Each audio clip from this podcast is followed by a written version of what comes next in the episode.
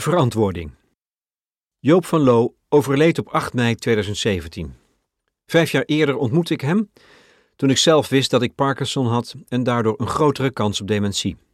Zonder Joop en zijn vrouw Jannie zou ik nooit aan dit boek zijn begonnen. Zeven jaar later begrijp ik beter hoe moeilijk euthanasie is voor de arts. Dat inzicht dank ik aan gesprekken, vaak per mail, met een klein dozijn artsen. Vier van hen bedank ik hier in het bijzonder: Bert Keizer, Remco Verwer, Constance de Vries en Joost Zaat.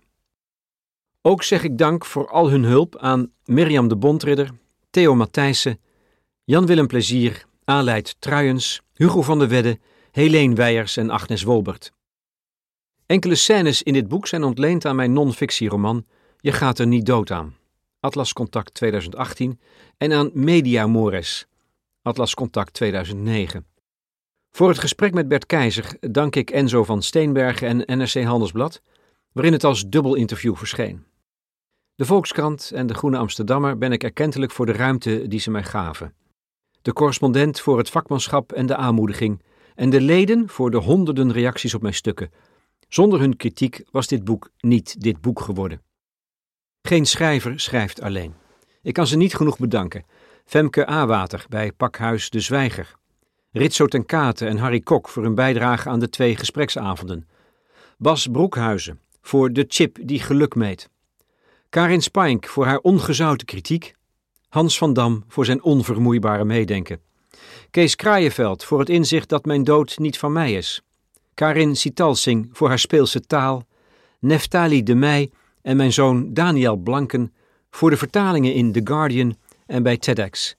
En Rick Kuiper, Heiba Targibakali, Johannes Visser, Suzanne van der Vathorst, Govert den Hartog en Bart van Eldert voor hun kritisch meelezen van dit manuscript.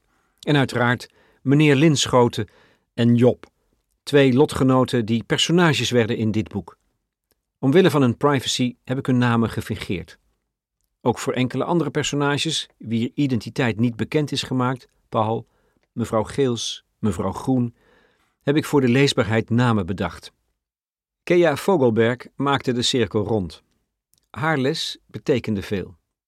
Het hoofdstuk over Kea kon ik alleen schrijven dankzij Nina Blanken, mijn dochter, co-auteur en redacteur.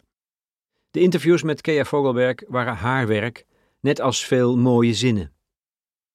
Ten slotte bedank ik mijn lief voor de heldere gedachte dat de pil in de pap niet nodig is, wanneer je als patiënt, naaste en arts samen beslist over euthanasie.